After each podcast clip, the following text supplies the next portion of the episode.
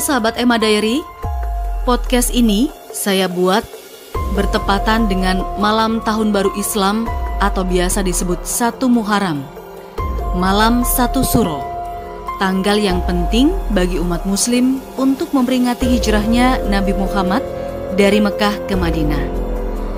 Pada masyarakat Jawa, awal bulan Muharram disebut juga sebagai malam satu Suro tanggal 1 Suro di tahun ini jatuh di 20 Agustus 2020. Malam ini 19 Agustus. Tanggal ini juga sering diwarnai dengan mitos satu suro. Saya kali ini coba kutip berbagai sumber. Nama Suro diciptakan oleh Sultan Agung Adi Prabu Hanyokrokusumo sejak kerajaan Mataram Islam. Konon katanya kalender Saka, kalender Jawa dan Hindu ingin diubah oleh Sultan Agung dengan tujuan bisa sepadan dengan penanggalan Islam.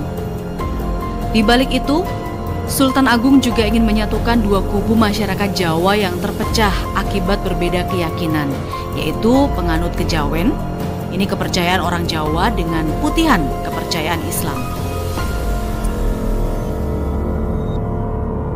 Sekarang, Malam Satu Suro dipercaya sebagai datangnya Aji Soko ke Pulau Jawa yang bisa membebaskan rakyat dari genggaman makhluk gaib. Masyarakat Jawa khususnya Kesultanan Yogyakarta, Kasunanan Surakarta, dan Kasepuhan Cirebon gak akan melewatkan ritual rutinnya setiap tahun untuk memperingati malam yang sakral ini mengelilingi benteng keraton, memandikan benda-benda pusaka, berendam di kali, mandi kembang, dan mengarak kebo bule merupakan beberapa ritual yang dilakukan dan dianggap membawa keberkahan pada malam satu suro.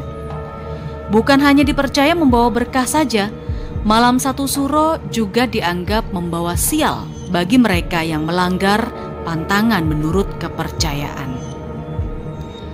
Malam ini, malam satu suro, diyakini sebagai malam yang sangat sakral dan berkaitan dengan hal-hal mistis serta penuh misteri.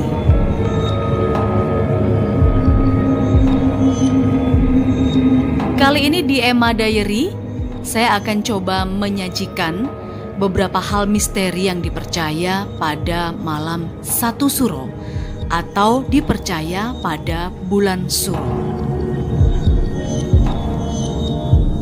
Sahabat Emma, budaya Jawa sangat memantang jika orang tua menikahkan anaknya pada bulan Suro. Kepercayaan mereka mengatakan kalau tetap dilakukan, keluarga akan mendapat kesialan. Beberapa mengatakan ini hanya mitos belaka. Alasannya kalau masyarakat mengadakan pesta malam suro, ini dianggap akan menyaingi ritual keraton yang akan dirasa sepi. Ritual-ritualnya yang sudah saya sebutkan tadi ya. Selain pesta pernikahan, pesta-pesta lainnya seperti sunatan, uh, tasyakuran, atau undangan atau pesta yang lain itu juga dilarang. Sampai sekarang, mitos ini masih dipercaya oleh masyarakat Jawa. Sahabat Emma, saat malam satu suro, masyarakat Jawa dipercaya lebih baik berdiam diri di rumah. Seperti saya ya, mending bikin podcast aja. Karena kalau pergi keluar, katanya bisa dapat kesialan dan bisa tertimpa hal buruk. Lalu kepercayaan berikutnya, menurut primbon orang Jawa, ada yang disebut hari baik dan ada juga yang disebut hari buruk. Sebagian orang percaya untuk tidak melakukan pindahan rumah saat malam satu suro karena dianggap bukan hari baik. Sedangkan menurut agama Islam, semua hari adalah baik. Beberapa orang memilih untuk melakukan ritual masing-masing saat satu suro. Beberapa orang di antaranya adalah tapa bisu. Saat mengikuti ritual tapa bisu, yakni mengelilingi benteng Keraton Yogyakarta, sangat dipantang untuk berbicara satu kata pun. Makan, minum, merokok juga sangat dilarang untuk dilakukan saat ritual itu. Nah sahabat Emma, di Indonesia memang ada berbagai banyak cara yang dilakukan untuk memperingati satu Muharram atau satu Suro. Misalnya seperti berdoa, menyantuni anak yatim, membagi-bagikan bubur suro dan lain sebagainya. Ada juga sih yang melakukan pawai obor di beberapa daerah dan di masyarakat Jawa merayakan ritual malam satu suro.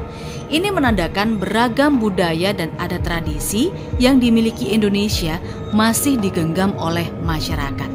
Hanya saja, hal yang tidak boleh dilewatkan pada tahun baru Islam atau satu Muharram adalah mendekatkan diri kepada Tuhan dibanding percaya dengan mitos satu suro.